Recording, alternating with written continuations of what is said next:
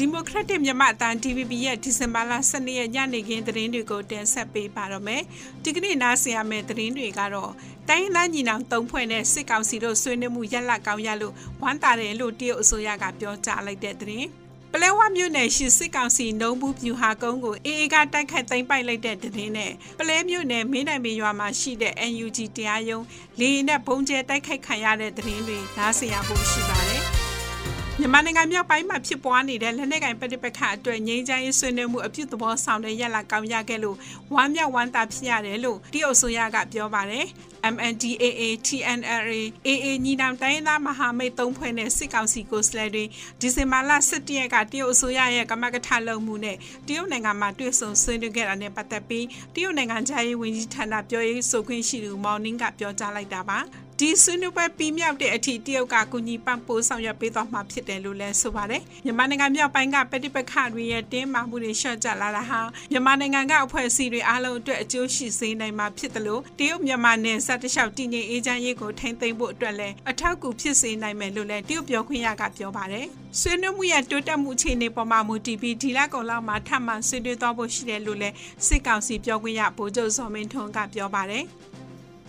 ကရင်ပြည်နယ်လွိုင်ကော်မြို့တော်ရှိပြည်နယ်ရဲတပ်ဖွဲ့မှုရုံးကိုကရင်အမျိုးသားကာကွယ်ရေးတပ် KNDF ကတိုက်ခိုက်သိမ်းပိုက်ခဲ့တဲ့တိုက်ပွဲမှာစစ်ကောင်စီရဲတပ်ဖွဲ့ဝင်အယောက်30တက်မင်းသေဆုံးခဲ့တယ်လို့ရဲတပ်ဖွဲ့ဝင်မိသားစုတွေစီကသိရပါတယ်။ဒီဇင်ဘာလ9ရက်ကစတင်ပြီးရဲတပ်ဖွဲ့မှုရုံးကို KNDF ကတိုက်ခိုက်သိမ်းပိုက်ခဲ့တာမှာရဲတပ်ဖွဲ့ဝင်တွေသေဆုံးခဲ့ပြီးစစ်ကောင်စီကမိသားစုဝင်တွေကိုတော့သေဆုံးကြောင်းသတိပေးအကြောင်းကြားထားတာမရှိဘူးလို့သိရပါတယ်။ပြည်နယ်ရဲတပ်ဖွဲ့မှုရုံးတိုက်ခိုက်ခံရပြီးရင်တရဲအရာရှိအပါအဝင်ရဲတပ်ဖွဲ့ဝင်32ယောက်သေဆုံးခဲ့တာဖြစ်ပြီးဒီတဲကအများစုဟာပဲခူးတိုင်းရွှေကျင်မြို့ကနေ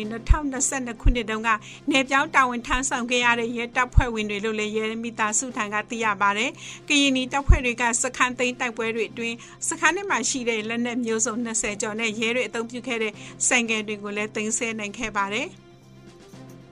ချင်းပြည်နယ်ပလောဝမြို့နယ်ရှိစစ်ကောင်စီရဲ့နှုံးဘူးပြူဟာကုန်းကိုထိုးစစ်ဆင်ပြီး29ရက်အကြာမှာရခိုင်တပ်မတော် AA ကအပိသက်သိမ်းပိုက်နိုင်ခဲ့တယ်လို့နိုဝင်ဘာ17ရက်မှာကြေညာလိုက်ပါတယ်။အခုသိမ်းပိုက်နိုင်ခဲ့တဲ့နှုံးဘူးပြူဟာကုန်းနဲ့ထရအိုင်ပြူဟာကုန်းတစ်ခုစလုံးကို AA တပ်ကနိုဝင်ဘာ14ရက်မနက်ပိုင်းကလေးကထိုးစစ်ဆင်တိုက်ခိုက်နေတာပါ။ဒီဇင်ဘာ4ရက်မှာသိမ်းပိုက်နိုင်ခဲ့တယ်လို့ကြန့်ရှိနေသေးတဲ့နှုံးဘူးပြူဟာကုန်းကိုလည်းထိုးစစ်ဆင်ပြီး29ရက်အကြာဒီဇင်ဘာလ10ရက်ညနေပိုင်းမှာသိမ်းပိုက်ရရှိခဲ့တာပါ။ရခိုင်တပ်မတော်ဟာအဲ့ဒီဗျူဟာကုန်းတစ်ခုလုံးကိုတရက်မှရပ်နာခြင်းမရှိဘဲထိုးစစ်ဆင်တိုက်ခိုက်ခဲ့ပြီးစစ်ကောင်စီကလက်နက်ကြီးတွေလေကြောင်းပစ်ကူအမြောက်အများနဲ့အပြင်းထန်ခုခံခဲ့တယ်လို့အေအေရဲ့ထုတ်ပြန်ချက်မှာဖော်ပြပါတယ်အခုသိမ်းပိုက်ရရှိခဲ့တဲ့နှုံမှုဗျူဟာရဲ့ဗျူဟာမှုအလောင်းအပါဝင်ရန်သူအလောင်းတချို့လက်နက်ခဲယအမြောက်များတို့ကိုသိမ်းဆည်းရမိခဲ့တယ်လို့အေအေရဲ့ထုတ်ပြန်ချက်မှာဖော်ပြထားပါတယ်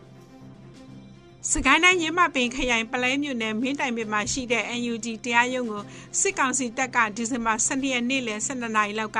လေယာဉ်နဲ့ဘုံကျဲတိုက်ခိုက်လို့တေဆုံးတန်ရရသူတွေရှိတယ်လို့ဒေသခံတွေစီကသိရပါတယ်။လေယာဉ်နဲ့ဘုံကျဲတာကြောင့်အမျိုးသားညီညွတ်ရေးအစိုးရ NUG ကဖွင့်လှစ်ထားတဲ့တရားရုံးအနီးမှာကြာရောက်ပောက်ကွဲပြီးတရားသူကြီးလင်မယား2ယောက်နဲ့ကာကွယ်ရေးပလဖရဲဘော်တအူစုစုပေါင်း3ယောက်တေဆုံးပြီးတန်ရရရှိသူတွေများတယ်လို့ဒေသခံရွာသားတအူကပြောပါတယ်။ဒဏ်ရာရရှိသူတွေထဲမှာတရားရုံးကိုအဲ့လာတွေ့တဲ့လူတွေလည်းပါဝင်ပြီးလက်ရှိမှာဒဏ်ရာရသူတွေကိုစေကုသပေးနေရကစိုးရင်ရတဲ့လူနာတွေရှိတယ်လို့ဒေသခံ PDF ခေါင်းဆောင်ကပြောပါတယ်။စစ်ကောင်စီတပ်ကတော့စကိုင်းတိုင်းတွင်းနယ်မြေစိုးမှုမှုရအောင်အရင်နှစ်သိလို့မြေပြင်စစ်ကြောင်းထိုးထိုးစစ်ဆင်တာတွေမလုပ်တော့ဘဲ2023ခုနှစ်မှာလေကြောင်းကနေပြစ်ခတ်တာတွေပိုလုပ်လာတယ်လို့ဒေသခံတွေကပြောပါတယ်။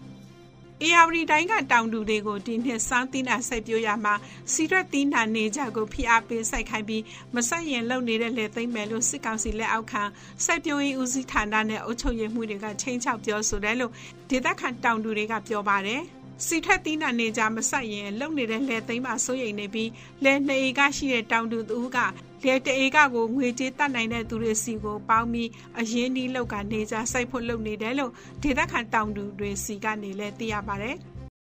အေယာဝတီတိုင်းကတောင်သူတွေဟာပြီးခဲ့တဲ့မိုးစပါးစိုက်တဲ့ရာသီကလည်းဓာတ်မြေဩဇာဈေးတွေတက်လို့အပြည့်အဝမသုံးနိုင်ခဲ့တာ73စီဈေးတွေတက်လို့အပြည့်အဝထိုရက်မစိုက်နိုင်ခဲ့တာကြောင့်အခုလိုမိုးစပါးတွေရိတ်သိမ်းတဲ့အခါမှာအထွက်နှုံးတွေကျဆင်းနေတယ်လို့သိရပါတယ်